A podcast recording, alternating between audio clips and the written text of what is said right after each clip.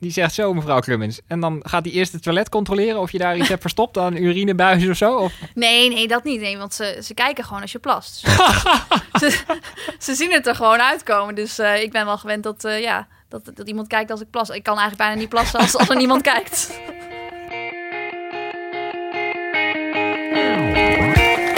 En Clemens dolgelukkig. Want ze wordt hier derde in een absoluut topveld en loopt een geweldige tijd.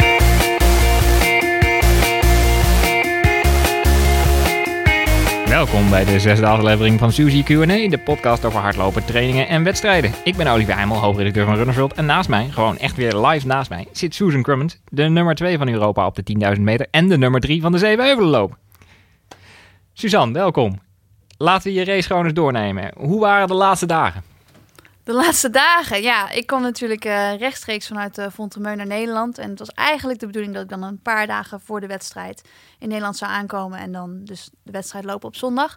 Alleen, uh, ja, in die laatste week kreeg ik een beetje last van mijn voet toen ik in Fontremeu was. En nou heb ik al vaker dat ik een pijntje heb aan mijn voet. Omdat ik natuurlijk daar die blessure heb gehad. Dus ik ben wel gewend om af en toe met een beetje pijn te lopen. Alleen dit keer was het op een andere plek en zat het zo dicht bij het bot dat ik er een beetje, ja, een beetje van in paniek raakte. Ik had zoiets van, eigenlijk moeten we weten wat het is en kan ik hier niet zomaar doorheen lopen. Dus toen, uh, dat, ja, voor de eerste keer toen ik het voelde was eigenlijk maandag. En toen uh, dacht ik van, nou ja, dan moeten we eventjes misschien de training een beetje omgooien. Eigenlijk zou ik de volgende dag een kwaliteitstraining doen. En toen sprak ik uh, mijn coach Nick daarover en die zei van, ja, we moeten hem even doorschuiven en misschien een dagje vrij nemen. Maar ik zat daar boven op de berg en ik kon ook niet behandeld worden door een fysio. Dus toen dacht ik, ja, Behalve ik... de kaakfysio. Behalve de kaakfysio dan, maar ik wist niet of dat direct met die voet ging helpen. En toen dacht ik van, nou, uh, ik moet hier gewoon actie ondernemen. Ik moet hier niet zitten wachten en maar hopen dat het goed komt. Uh, want dat is gewoon echt veel te veel risico. En uh, toen heb ik gewoon eigenlijk meteen een vlucht naar Nederland geboekt. meteen een paar dagen eerder teruggegaan. En ja, eigenlijk toen ik in het vliegtuig zat, had ik al mijn visio-afspraken en eigenlijk alles al gepland voor die week. Zo van, bam, we gaan er gewoon meteen, pakken dit gewoon meteen hard aan en gaan niet een beetje afwachten en kijken wat er gebeurt. Maar hoe was je stemming toen? Dacht je, dit gaat niet meer... Uh, nou, ik had best wel een beetje stress, want ik had zoiets van, ja, heb ik hier vier weken getraind en ik, ik had eigenlijk niet het idee dat ik heel scherp had getraind. Niet zoals ik dat mm. in de zomer doe, want voor een toernooi dan train je echt super scherp en uh, nou ja, dan heb je ook wat vaker last van pijntjes en dit kwam wel heel opeens. En hoewel ik wel vaker last heb van mijn scheen en die hele lijn eigenlijk richting de voet wel stijf is, was het nooit dat het echt hele erge daar toch wel best scherpe pijn was. En, en dat was eigenlijk vooral waarom ik zoiets had van... ik moet eerst weten wat het is voordat ik er doorheen ga, lopen. En uh, ik dacht van ja, het zou wel zonde zijn als ik hier vier weken op hoogte heb gezeten... als ik dan straks de zeven heuvelloop niet kan doen. Dus een, een beetje stress had ik wel, maar ik had zoiets van... ik weet nu, ik neem, onderneem nu actie en ik weet nu dat ik er nu in ieder geval alles aan doe... om hier bovenop te komen en, en ervoor te zorgen dat ik geen, uh, geen domme dingen doe. Dus wat dat betreft was ik in mijn hoofd was ik wel blij met mijn beslissingen. Maar ja, ik moest nog wel even afwachten ja, wat het dan zou worden. En of, of ik met alleen fysiobehandeling of, of ik ook nog een dokter moest zien en eventueel een MRI moest laten maken. En uiteindelijk, toen ik in Nederland kwam, bleek dat toch wel het beste om toch even een MRI te maken. Om te kijken ja, uh, waar die pijn nou precies vandaan kwam en, en waarom ik het zo dicht ook bij, bij het bot voelde. En uiteindelijk was het gewoon een aanhechting. En ja, bleek dat inderdaad die, die hele lijn van de spier uh, eigenlijk helemaal vanaf mijn scheen tot mijn adductor in mijn rug en mijn nek en richting de voet en de grote teen. Die hele lijn is gewoon stijf en dat trekt dan gewoon ja, ook een beetje aan het bot. En daarom denk je soms wel eens dat je iets en het bot voelt, maar het zit er eigenlijk gewoon vlakbij. En ja, het was ook niet echt een ontsteking of zo, maar ja, dan kun je dus toch wel flink pijn hebben. En, uh... Ja, want ik denk zomaar dat jij een hele hoge pijngrens hebt. ja, inderdaad. Dus uh, ik was wel blij dat ik uh, in ieder geval die MRI heb laten maken, want toen was het daarna wel rust in mijn hoofd en kon ik me ook gewoon focussen op de wedstrijd. Maar die eerste paar dagen van, van die laatste week was het wel een beetje van, ja, dat ik dacht van, oh wauw, dat, dat zou toch wel echt een hele grote shock zijn als ik opeens nu niet van start kan. Want ik heb wel het idee dat ik ja, toch nog een beetje door kan lopen zondag. Dus het zou echt super zonde zijn. Ja, ja, en mijn eigen wedstrijdvoorbereiding zit een beetje in stilte. Maar jij doet natuurlijk ook persconferenties en sports waar je dan enthousiast vooruit kijkt. Terwijl ja. je zelf misschien nog denkt... Mm. Ja, nou, ik had er wel voor gezorgd dat ik voor de persconferentie inderdaad die zekerheid had dat er, dat er niks echt mis was. Want ik zou niet een persconferentie in willen gaan en dan een verhaal vertellen waarvan ik niet zeker weet of het waar is. Dus uh, gelukkig zat ik daar met de, bij de persconferentie zat ik daar wat, met, met wat meer rust in mijn hoofd. Maar het is natuurlijk niet, ja, mentaal is het niet de ideale voorbereiding. Maar van de andere kant, ja, als je dan eenmaal zondag aan de start staat, dan heb je wel zoiets van, je bent ook weer wel ontzettend dankbaar dat je gewoon aan de start staat. En dat je dat ja, eigenlijk niet als vanzelfsprekend moet zien. Want als topsporter zit je gewoon wel altijd op het randje te trainen. En dan moet je af en toe eventjes aan herinnerd worden. En gelukkig ben ik er niet overheen gegaan. Maar ja, daarom, mensen zeggen ook tegen mij van je bent altijd zo, zo, blij, zo blij en zo vrolijk bij wedstrijden. En ik van ja, maar dat is voor mij ook echt een beloning. Weet je, met hard aan het trainen en dan mag je weer een wedstrijd lopen. En als je daar dan staat en als je er gezond staat en ja, gewoon kunt pushen om te laten zien uh, wat je eigenlijk kunt, dan is dat gewoon eigenlijk een cadeautje iedere keer. En is het dan zo dat, nou, een mooie zin trouwens, maar um, dat als het startschot gaat, dat je dan ook gelijk helemaal kwijt bent? Of ben je dan de eerste twee kilometer nog wel een beetje gefocust of wat je voelt daar? Uh, nee, dat niet. Nee, want ik wist ook wel dat, dat de kans wel groot was dat, dat ik nog steeds iets zou voelen. Uh, omdat het niet opeens weggaat. Kijk, de, de, reden dat het, dat het zo stijf is geworden in die scheen ook en zo, komt ook door de ondergrond in Fontremeu, die wat, ja, wat meer, meer stenen en, niet, zo, ja, niet zo makkelijk als, als waar ik normaal zou lopen in Nederland. En wat meer heuvels en dat alles bij elkaar ik belast het ook iets meer omdat ik wat meer aan mijn, aan mijn sprongen. En ik probeer ook wat meer die voet belastbaar te maken. En soms kun je dan eventjes over die lijn heen gaan. En toen ik dus wat minder ging trainen en wat meer ging behandelen en minder in heuvels ging lopen, wist ik wel dat het langzaamaan iedere dag beter zou worden. En het ging ook heel snel vooruit. Alleen ja, als je dan 15 kilometer in de heuvels gaat knallen, dan weet je dat je waarschijnlijk weer een beetje meer last gaat krijgen. Maar dat de echte oorzaak wel weg is gehaald. Dus daar maakte ik me op zich geen zorgen om. Dus ik had zoiets van, nou, we gaan nu de wedstrijd lopen. En die voet, die zal ik ongetwijfeld En ik heb waarschijnlijk overal pijn, want ik ga toch te hard starten. En uh, dat is helemaal prima. Maar we gaan in ieder geval, ja, we doen er verstandig aan. Ik kan gewoon de wedstrijd lopen. En uh, nou ja, als we het gewoon uh, overleven tot de finish, dan komt het wel goed. Had jij het parcours nog helemaal in je hoofd trouwens? Want het was voor mij de tweede zevenheuvelenloop. Maar ik ben een weekje van tevoren even ehm, vanuit Den Bosch naar Nijmegen gegaan om het parcours te verkennen. Maar het is me niet, uh, zoals jij weet, niet helemaal gelukt om de start te vinden. Die toch behoorlijk dicht bij het station ligt. Ja, je hebt wel het Keizer Karelplein gezien, zag ik. Ja, ja, ja je ziet op Strava zie je een soort stille getuige van mijn, uh, van mijn wanhoopspoging om de start te vinden. En dan regelmatig had ik een straat te pakken en ik dacht, dit is hem wel, want het lijkt er allemaal best wel op elkaar. Ja, klopt. Ja, dat dacht ik vroeger ook. Toen ik daar, toen ik daar wel eens fietste als, uh, nou ja, zevenjarige, dacht ik ook wel eens... hey, iedere zijstraat van het Keizer Karelplein ziet er hetzelfde uit. Inmiddels zie ik het verschil. Maar uh, ik kan me voorstellen als je minder vaak in Nijmegen komt... dat het uh, toch nog lastig kan zijn. Er zit een zevenjarig meisje in ons allemaal. Um, nou, laten we de rest even doornemen vanaf de start. Hoe gingen de eerste paar kilometer? Ik weet dat mijn collega Imo de eerste vier kilometer bij je kon blijven. En uh, daarna, uh, Luc, jouw visio nog even. Ja. Maar um, hoe ging het? Ja, nou, ik, ik had dus zelf al bedacht. En ik had eigenlijk ook een beetje dat advies gegeven aan mensen. Van nou ja, die eerste vijf kilometer niet, niet te hard. Maar ja. gewoon wel lekker starten. En dan de tweede vijf kilometer een beetje meer pushen. Want die laatste vijf kilometer, omdat nou ja, vooral de laatste vier kilometer is vooral bergaf. Dus ook al ben je helemaal kapot, die overleef je wel. En dan kun je nog wel doorlopen. En dat heb ik eigenlijk ook gewoon precies gedaan. Dus de eerste vijf kilometer ben ik nou ja, ik ben gewoon eerst met, met die andere meiden, met die Afrikaanse meiden meegestart. En ik merkte al snel dat zij niet echt wilden pushen. En Nick had van tevoren tegen mij gezegd van... Nou, ik denk dat jij in 3-10 tempo kan gaan starten en dat dat oké is. En ik dacht eigenlijk, je bent helemaal gek geworden, want dat is best wel hard. En ja, ja, ja. natuurlijk heb ik de vorige aflevering wel per ongeluk iets gezegd van... hey, zou leuk zijn als ik de 48 oversla. Maar of ik dat kon, wist ik op dat moment natuurlijk niet. Het was meer zoiets van, nee, lijkt me leuk om te doen. En dat vloepte er opeens uit. En toen zeiden heel veel mensen tegen mij... weet je wel hoe hard dat is? Ja, sterker nog, jij appte na de uitzending... want dat was best enthousiast. Ja. ja, inderdaad. Oh jee, maar nu is het oude niet open... dus dan moet het ook maar gewoon proberen. Um, dus nou, ik wist wel dat ja, onder, de, onder de 48... dan is het uh, eigenlijk, uh, als je het vlak zou lopen... is het natuurlijk uh, 16 minuten per 5 kilometer. Dus ik dacht, nou, als ik ietsje onder die 16 minuten start... dan, dan is dat oké. Okay. En, en daar kwam het ook ongeveer op uit. Ik, ik merkte dat Imo nog bij ons in de groep zat en dacht ik nog even aanzet. Nee. Mam. nee, ik wist helemaal niet wie er, wie er achter mij liep. Ik wist wel dat die meiden in die groep meeliepen. En ik dacht van, nou ja, de eerste vijf kilometer kijken we het nog even aan. Maar de tweede vijf dan uh, gas erop en kijken of ik een, een gat kan slaan. En dat, dat lukte eigenlijk ook meteen. En het gat dat werd niet heel groot. Maar samen met Luc heb ik inderdaad een beetje, ben ik blijven pushen die tweede vijf kilometer. Om dan ja, toch een beetje een voorsprong op te bouwen. En en ben jij relatief goed in bergaf of bergop? Ik merkte dat ik bergop dan wel wat mensen kon passeren die dan bergaf weer uh, voorbij donderden. Ja, ik ben normaal ben ik eigenlijk beter in, in bergaf. Uh, dan bergop. Alleen, ik kreeg nu in het tweede gedeelte van de wedstrijd wel een beetje een zijsteek. En dan is het heel lastig om bergaf, omdat je dan helemaal uitgerekt ja. bent, weet je, dan is het moeilijker om adem te halen. Dus ik denk dat het nu ongeveer ja, allebei even, even goed was. Er was niet echt één, één gedeelte beter dan het andere. En zie je überhaupt wat er achter je gebeurt? Want ik zie het pas als mensen me voorbij komen. Ik kijk eigenlijk nooit achterom. Maar nee, ik, ik, kijk ook nooit achterom. Dus dat is... Uh, maar gaf Luc dan door van uh, 10 meter, 12 nee, meter? Andrew fietste mee. En, en, die ah. zei inderdaad wel van... Die zei op een gegeven moment zei hij dat wel iets van 30 of 35 meter was. Maar op een gegeven moment zei hij inderdaad toen... Nou, bij dat bij de echte, de steilste heuvel, ongeveer mhm. halverwege, zei hij van dat het nog iets van 20, 25 meter was. Dus ik dacht, oh, ze lopen wel in. Dus dat is niet zo mooi. Maar ik heb Luc nog. Alleen 50 meter daarna had ik Luc niet meer. Want ik had Luc mijn eigen haas gewoon gesloopt. Ja, dat, is, dat moet je ook niet doen. Ik, uh, hij liep op een gegeven moment voorop en ik zei tegen Luc, kom, we, we gaan harder. Dus we gingen harder, maar dat, ja, daardoor heb ik hem dus wel een beetje gesloopt. En toen moest ik alleen verder. Dus dat was wel, uh, toen kwam ik wel... We moeten nog wel even over Luc zeggen. Hij heeft toen even gejogd. En vervolgens heeft hij Maureen Koster, die toch ook behoorlijk doorliep, uh, nog naar de finish gehaast. Ja, inderdaad. Dus hij heeft wel gewoon de hele wedstrijd gehaast. Maar ja, niet dezelfde atleet. Dus uh, dat heeft hij goed gedaan. Ja. Ja. Maar ja, toen kwam ik dus wel alleen te zitten. En toen moest ik blijven pushen. En ik, en ik wist natuurlijk, ja, dat, dat ik maar 20 meter voor hen liep. Dus dat ze mij konden zien. En in het Engels zeggen ze dan zo mooi, you're the sitting duck. Dus ah, de sitting duck is, ja, dat is een hele makkelijke prooi is dat.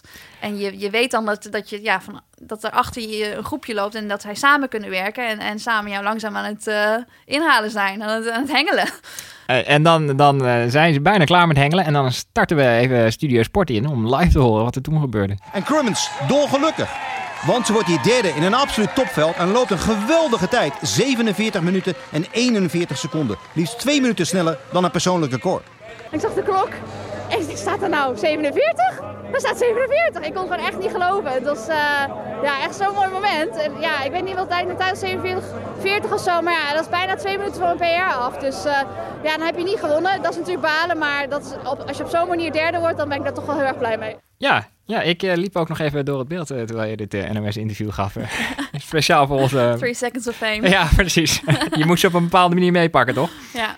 Um, ja, ik uh, kwam zelf wel uh, om 3,5 minuten na je over de finish trouwens. Wel vierde in mijn leeftijdscategorie. Dat vond ik heel stoer. Zo? Ja, ik moest wel... Ja, jammer, net niet op het podium.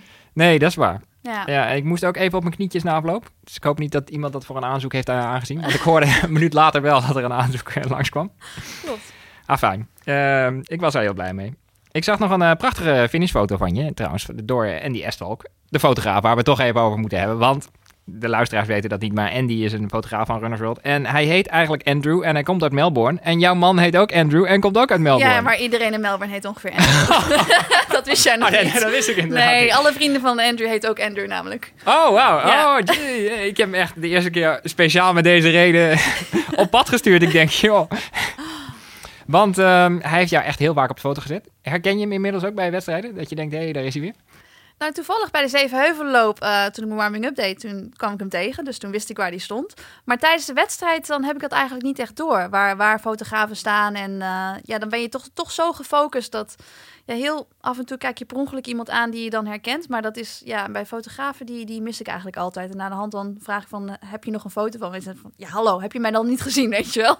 Volgde mij de hele wedstrijd. Nee, hij heeft, hij heeft een paar mooie plaatjes geschoten. Ja, ik ben daar veel te ijdel voor, vrees ik voor. Want ik zie altijd welke fotografen er zijn. ik moet me ook, ja, nou, ik moet me ook inhouden om niet een beetje te gaan regisseren. Dat ik dan roep, Andy, je moet iets hoger op die heuvel en dan naar beneden.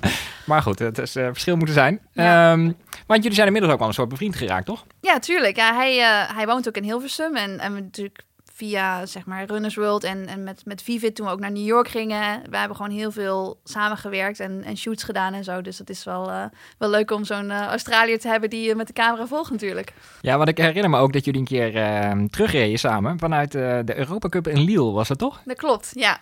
Ja, ik moet altijd enorm om die wedstrijd lachen, omdat, uh, dat weet jij waarschijnlijk niet meer, maar bij de 800 stond er, had iemand toen een enorme zwarte doos in baan 1 gezet. En toen kwam Tijmen Kupers met het hele veld zo op baan 1 afgerend. En toen zagen ze dat ding er staan en moesten ze er omheen lopen.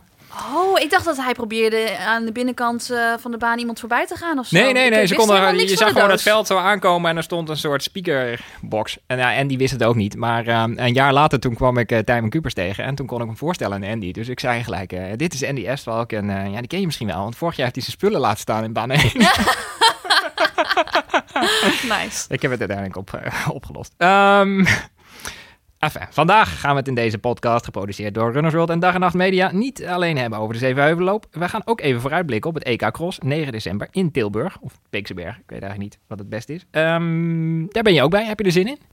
Ik heb er zeker zin in. Ik heb echt al heel lang niet gecrossed. Ehm, even denken nou. In negen jaar heb ik denk ik niet meer gecrossed. Ja, dat klopt. Negen jaar niet meer gecrossed. En de laatste keer dat het EK cross was, was tien jaar geleden zelfs. Dus uh, nou ja, het werd wel eens tijd om, uh, om in het oranje de modder aan te vallen. En heb je de modder al bekeken? Nee, dat ga ik wel uh, waarschijnlijk deze week doen. Uh, natuurlijk is de, de veranderloop, die loop ik niet mee. Omdat ook ja, met mijn voeten is het toch te veel risico om, om voor het EK Cross nog een andere cross te lopen. Maar ik wil wel het parcours bekijken en er even op trainen. Dus uh, dat ga ik op een gegeven moment wel doen. En dan ja, hoop ik daar in ieder geval wel een soort van thuisvoordeel mee te halen. Ja, uh, en heb je, weet je al wat voor ploeg het wordt? Of wordt dat bij de veranda besloten? Of, um... uh, ja, bij de veranderloop uh, wordt de hele ploeg natuurlijk geselecteerd. maar ja, ik, ik hoop dat we met het sterkste Nederlandse team aan de, aan de start komen te staan. Dat iedereen fit is en, en het EK Cross wil gaan doen. Want dan kunnen we zeker een medaille halen. Want dat is Sivan Hassan. Ja, en Marijn en Jip. Ja, en dan verder, hoe, waar het verder mee wordt aangevuld, dat moet eigenlijk een beetje uit de veranderloop uh, blijken. Maar uh, ja, ik denk wel dat ze sowieso voor een medaille moeten gaan, maar eigenlijk moet dat gewoon goud zijn.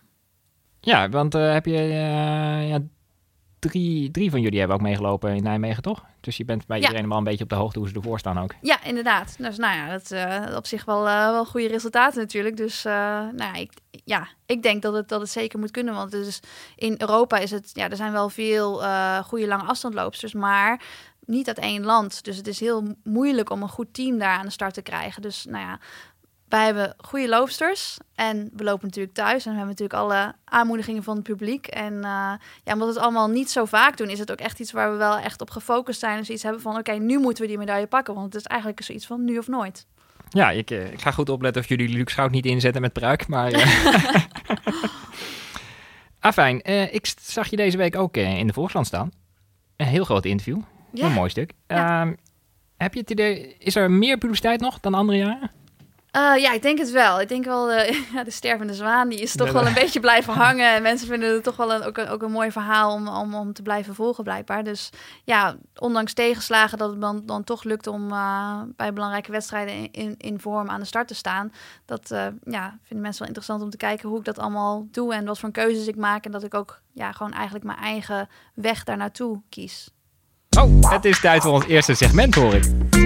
Ask Suzy. Stuur je vraag in en beantwoordt Suzanne die hoogstpersoonlijk in de uitzending. Uh, de eerste vraag is van Jacob van der Wulp, die via ons Suzy Q&A-account op Instagram, aanraden trouwens, vraagt... Waarom was je zo verbaasd over je tijd? Je liep dit keer met horloge bij de Damloop zonder. Vond ik een beetje vreemd. Zelf vind ik op de lange afstand lopen wel handig om de kilometertijden bij te houden. Ja, ik probeerde dat ook. Want uh, ja, ik had inderdaad mijn horloge om en ik heb hem ook gestart bij de start. Dat vond ik al heel wat. Ik daar aan gedacht heb, weet je wel. Je ja, baanatleten doen dat niet altijd. Nee, inderdaad. Die hebben natuurlijk nooit een horloge om. Dus nee. ik ben nog wel een beetje een baanatleet. Dus ik, wat dat betreft moet ik daar inderdaad aan wennen. Um, ja, tot vijf kilometer had ik heel goed door hoe hard ik liep. Tot 10 kilometer trouwens ook. Maar omdat ik na 10 kilometer toch een beetje een zijsteek kreeg. En een beetje. Ja, ik, ik had het idee dat ik echt langzamer ging lopen. Omdat ik natuurlijk ook voorbij gelopen werd. Maar omdat het bergaf ging, liep ik eigenlijk nog best wel hard door. Maar ja, ik ga niet dan iedere keer als dat horloge piept kijken hoe hard ik aan het lopen ben. Ik ben dan gewoon bezig met, met simpele dingen zoals nou, op mijn ademhaling letten, op mijn techniek letten, blijven pushen. En dan heb ik eigenlijk geen tijd om dan ook naar, naar splits te kijken. Want ik probeer dan toch gewoon het, het beste uit die laatste kilometers te halen. Um, dus ja, op, in de laatste vijf kilometer had ik inderdaad geen idee op wat voor een tempo ik liep. En toen, toen ik inderdaad de klok zag, de laatste 400 meter, toen, toen was ik wel een beetje verbaasd dat ik inderdaad dus niet zoveel verval had, terwijl ik me eigenlijk heel slecht voelde. Ja, ik heb zelf, uh, daar moet ik dan langer over nadenken. Maar als ik dan loop in de wedstrijd, vind ik het heel lastig dat de kilometerpunten net niet overeenkomen met mijn horloge. En dan ga ik over nadenken of dat dan gunstig is of niet gunstig, zeg maar. Of het dan nou voor of daarna moet zitten. En daar kan ik dan de hele tijd over nadenken. Ja, dat snap ik. Die kilometerpunten moet ik zeggen dat ik dat niet eens echt door heb. Waar die kilometer. Terwijl hier zijn. moest je een mat over iedere, iedere kilometer. Niet iedere kilometer, echt? Iedere kilometer, ja. Daarom eh, ligt het ook iedere kilometer ja, vast in je uitslag. natuurlijk niet, want ik heb mijn snelle schoenen ja, aan. Dus... mooi bruggetje. want de volgende vraag is een vraag van Hein de Groot over een kwestie die we al eerder besproken. De afgelopen maanden is er menig record gesneuveld door lopers die liepen op de Nike Vaporfly 4%. Afgelopen zondag liep uh, Jep de Guy daar ook op en jij. Zie jij een verband? Of, of zien we nu te veel in die schoenen? Voor ja, de luisteraars, dat... er is een wereldrecord marathon gelopen op de schoenen. Ik denk ook een wereldrecord halve marathon. Ehm, ja, nou, natuurlijk een Europees record op Ja. de halve marathon. En jij hebt eh, ook heel wat mooie tijden neergezet. Ja, goed. Heel veel goede atleten zijn natuurlijk gesponsord door Nike. En heel veel van die goede atleten krijgen dan ook die schoen om aan te doen. Ehm, dus nou ja, dan begin, begin je al met goede atleten die de schoen aan hebben. Ehm, ja, of er een effect is. Kijk, voor mij is het vooral heel fijn, vind ik, als ik die, als ik die eh, schoen draag, dat zeg maar de dagen na de wedstrijd merk ik gewoon dat ik veel minder last heb van mijn kuiten en zo. Ik kan veel beter herstellen van een wedstrijd. Veel minder impact heeft het eigenlijk. Het, het lopen Ja. van 15 kilometer op de weg zou je zeggen dat je dan daarna helemaal kreupel bent. Maar dat, dat is dus niet zo. En dat komt echt wel door die schoenen. Ik merk dat dat is het grootste verschil voor mij. Eh, tijdens de wedstrijd, ja, ik vind het wel inderdaad een lekkere schoen waarbij ik zoiets heb van, ik kan eigenlijk niet stoppen met lopen. Dus, maar uiteindelijk moeten je benen het wel nog zelf doen. Dus je moet het zelf nog Ja, wel een beetje aanzwengelen. Maar ja, of je er heel veel voordeel bij hebt. Ja, ik zou ik heb ook andere schoenen waar ik wedstrijden op kan lopen. Maar ik kies er wel voor om op die schoen te lopen. En of het een placebo-effect is of dat het, Ja, of, dat het, eh, of dat het een echt effect is, dat maakt dan verder ook niet uit. Als ik er gewoon hard op loop, dan, eh, dan kies ik daar gewoon voor. Ehm, maar goed, ja, ik, ik, Ja, ik wil bij de wereldrecords hier op de 15 kilometer en op de marathon ook wel een beetje credits geven aan het NN Running Team. Wat volgens mij ook wel een omgeving heeft neergezet. Die gewoon net nog een tandje professioneler is. Ja. Ik denk dat dat ook al heel veel scheelt. ja, dat denk ik ook. Want voelde je op de training, zeg maar, eh, in Vonderemeu wel van ik ben beter dan twee jaar geleden? Eh, ja, dat wel. Ik, ik wist wel dat ik, dat ik beter in vorm was. Want Maar toen dat, liep je 49 op de... Ja, 49,5 liep ik toen. En eh, ja, ik weet gewoon dat ik gewoon in het algemeen het hele jaar door als atleet, ik zit gewoon op een hoger niveau. Dus als ik gewoon een, beetje train, want ik had niet echt het idee dat ik op 100% een trainer was in volgens mij, het was meer zoiets van 80%. Maar omdat ik dus gewoon een algemeen hoger eh, basisniveau heb, is het ja toch makkelijker om, om harder te lopen op wedstrijden. En ik ben gewoon een betere atleet dan twee jaar geleden. En eh, dat is eigenlijk zonder tegenslagen moet dat bij iedere wedstrijd zo zijn. Kan jij altijd op 80% blijven lopen trouwens? Ik vind het al heel lastig om ingehaald te worden. En ik kan me voorstellen, ik ben nooit in Vonderemeu geweest, dat je dan voortdurend wordt ingehaald door mensen dat je denkt, nou, die moeten wij echt nooit inhalen. Nee, het is meer zo dat de, dat de trainingen niet, eh, niet heel scherp zijn. Dus het is niet zo dat ik, dat ik een ander tempo loop of zo. Maar het is meer dat je dan ja, toch net wat, wat minder snelle kilometers doet. En wat meer omvang, wat meer basis. En dat is iets veiliger allemaal. Eh, maar daar kun je natuurlijk ook goed van worden. Het, het blijkt ook Ja. dat je daar ook wel hard van kan lopen. Maar ja, als we er nog een schepje bovenop zouden gooien... dan, ja, dan kun je misschien nog wel weer harder. Ik heb een eh, vraag van Rosemijn eh, Merkes. Wat zou je gedaan hebben als je niet professioneel hardloopster was of nooit was begonnen? Wat voor werk? Wat voor studie? Eh, ik heb eh, sociologie gestudeerd. Dat is, eh, maar dat ja, eigenlijk ook al een beetje door het hardlopen natuurlijk dat bij Florida State University terecht kwam en dan daarvoor gekozen heb. Ik, heb. wist nooit eigenlijk wat ik met die studie wilde doen. Want ik ben ooit begonnen met nou, eigenlijk biomedische wetenschappen in Nederland. Omdat ik dacht, ik wil iets met sport en bewegen doen. Ik ben daarin ge- geïnteresseerd. Maar uiteindelijk bleek, omdat ik daar de hele dag al mee bezig was, dat ik juist iets heel anders wilde studeren. Dus wat dat betreft ben ik wel blij dat ik iets, gewoon iets heel anders gekozen heb. Zodat ik het toch een beetje die balans had. Maar ik had er nooit een idee bij wat ik daar dan mee wilde gaan doen. Ehm, ik, ja, ik denk nu wel dat een van de dingen die ik heel leuk vind aan dat ik nu hardloopster ben, is dat ik ook heel veel reis en dat ik op heel veel plekken in de wereld kom. En ik heb zoiets van, nou ja, als ik iets anders zou moeten kiezen om te doen, dan zou het wel leuk zijn als het ook iets is waarbij je ook veel van de wereld ziet. Dus nou ja, hè, als er nog een eh, reisprogramma is die eh, nog iemand nodig heeft om te presenteren, dan kan ik dat misschien na mijn carrière doen. Sociologen hebben ze overal nodig, zeg ik. Ehm, eh, nog een eh, vraag van Erwin Meijer. Gaat ook wel over een kwestie die we al eerder hebben beantwoord, maar net niet met deze insteek. Hi Olivier, je collega Imo Muller heeft wel eens op social eh, media geroepen dat Suzanne nog net niet al zijn PR aan dicht had gelopen. Ben je voornemens om zijn tijd op de marathon 2.26.36 volgens Erwin te verpulveren ooit? Oh, is dat zijn tijd? Ja, Oh, dat is wel een eh, mooi, Ja. mooi richtpunt, denk ik. Ja, dat lijkt me wel leuk. Ja, alleen ja, lijkt me leuk om dat een keertje te doen. Ik weet nog niet, eh, ik wil sowieso een ma- marathon lopen, maar ik had nog niet echt een tijd in mijn hoofd. Want ik denk van ja, hoe, hoe bedenk je wat voor een tijd je wil lopen? Kijk, onder de, onder de 2.30 zou natuurlijk prachtig zijn, maar misschien kun je er nog wel meer uithalen. Maar nu je die tijd hebt gezegd, lijkt me dat wel wat. onthouden, 2.25.36. Het is, eh, dat brengt me eigenlijk gelijk op het eerste dilemma, want ik, ik heb zin om een keer dilemma's met je te gaan doen. Oh, wat leuk. Dus eh, een leuk dilemma lijkt me dan. eh, word je liever Europees kampioen cross of win je liever één van de zes World Marathon Majors? Oh, dan, eh, dan ga ik toch echt voor, de- ja, dan ga ik wel voor de marathon. Ja? Toch wel, ja. Ik denk wel dat dat wel, dat is wel echt een big deal. Als je, ja, dit is misschien ook wel omdat ik stiekem een beetje fan ben van Shalane. Ja. Dus ik heb haar natuurlijk zien doen. En, en ja, ik heb wel zoiets van, dat is wel echt heel speciaal. En hoewel het EK Cross natuurlijk wel in Nederland is... Ja, moet je voor, om een World, World Marathon Major te winnen... moet je wel echt hele goede atleten. De, de, de topmarathoners in de wereld verslaan. Dus uh, dat lijkt me dan toch de betere. Ja. ja, ik denk wel dat je binnen die zes dan ook nog een voorkeur hebt. Zeg maar dat je liever New York wint dan Tokio. Ja, dat, dat wel, ja. hey, uh, nog eentje. We gaan het gewoon iets moeilijker maken. Van wie verlies je liever? Van Sifan of van Jip? Nou. nou, dat kan allebei niet. Maar nou, kijk, als ik zou moeten kiezen, dan, dan zou ik wel zeggen dat ik toch liever. Van, dit is, het is moeilijk om het zo te zeggen, maar ik verlies liever van Sifan, omdat, nou ja, als je bijvoorbeeld naar een halve marathon kijkt, dat die tijd die ze daar heeft gelopen, dan hoort ze gewoon bij de beste van de wereld. Dus laten we zeggen dat je daarmee een gouden medaille op het WK kan winnen. Nou ja, als ik dan net zilver win op een WK, dan kan ik daar denk ik toch wel vrede mee hebben. Vierde, dat viel best wel mee, dat dilemma. Um, word je liever vierde op te spelen en daarna een mooie afbouwcarrière? Of Olympisch goud en daarna nooit meer kunnen hardlopen? Nee. Dan ga ik toch voor Olympisch goud. Ja? Ja, ja. Dat vind ik wel, wel een hele moeilijke. Maar ja, als je de vierde, dat is dan toch ook ja, net niks. Maar nooit meer hardlopen. Ja, ook best, nooit meer... best wel lang een leven daarna als het goed is. Ja, oeh. Vind ik heel moeilijk. Maar weet je wat is? Ik loop zo vaak door pijntjes en jij zegt dat ik nooit kan hardlopen. Misschien kan het ook wel niet, maar dan doe ik het toch gewoon. Ja, zeg mevrouw Kummers, als we de dilemma's niet serieus gaan nemen, dan wordt het een hele korte uitzending, hè? Um, nooit meer Australië of nooit meer naar St. Moritz?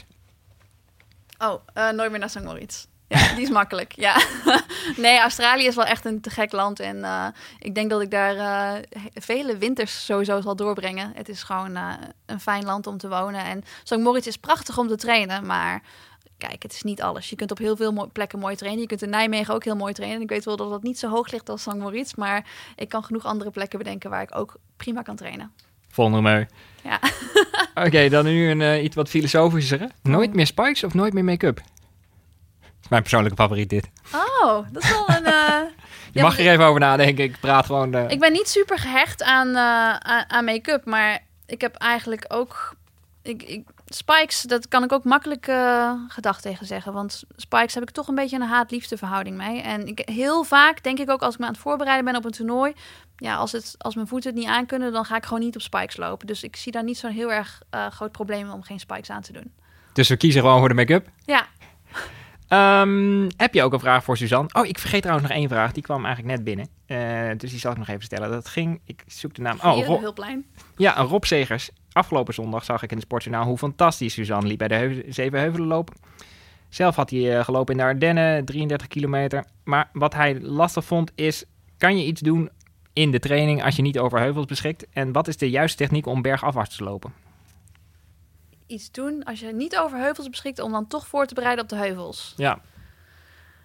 Uh, ja, sowieso. Ik denk dat het sowieso goed is om, om bijvoorbeeld intervaltrainingen te doen. Dus zeg maar niet altijd hetzelfde tempo te lopen. Niet alleen maar gewoon lange duurlopen doen om je voor te bereiden op iets waarbij je toch ja, kleinere pasjes en, en wat meer kracht moet zetten. Maar verder in de krachttraining zou je natuurlijk iets kunnen doen. Of op een lopende band en dan op een uh, percentage lopen. Dus ja, op die manier zou je wel aan heuvels kunnen wennen. Maar ja, om aan heuvels te wennen, is het het beste om in de heuvels te lopen. En daarom ging ik natuurlijk ook naar Fontremé. Ja, dus, ja. nou, hoewel je, je, bij, je kan ook een viaduct zoeken, toch? Een viaduct zou natuurlijk kunnen, ja. Ja, een van mijn lievelingstrainingen is ook inderdaad dat je dan gewoon een heuveltraining combineert met een, met een threshold of zo. Dus als je niet, als je denkt dat je niet alleen maar in de heuvels kunt lopen omdat je het nog niet aan kunt, dan kun je het natuurlijk ook opdelen en een gedeelte vlak doen en een gedeelte in de heuvels lopen. Ja, ik heb me voorgenomen om iets meer toelichting te geven, geven bij deze podcast. Dus threshold, dat bedoel je trainingen rond de lactaatdrempel, zeg ja, het zo dat goed? klopt. Ja, dus dat is... Uh, ja, ja, dat... En hoeven we daar niet meer het woord van de week van te maken. Nee. Heb je ook een vraag voor Suzanne of voor mij? Dat kan. Mail hem dan naar olivier.heimel.hurst.nl En wie weet komt jouw vraag dan in onze volgende podcast.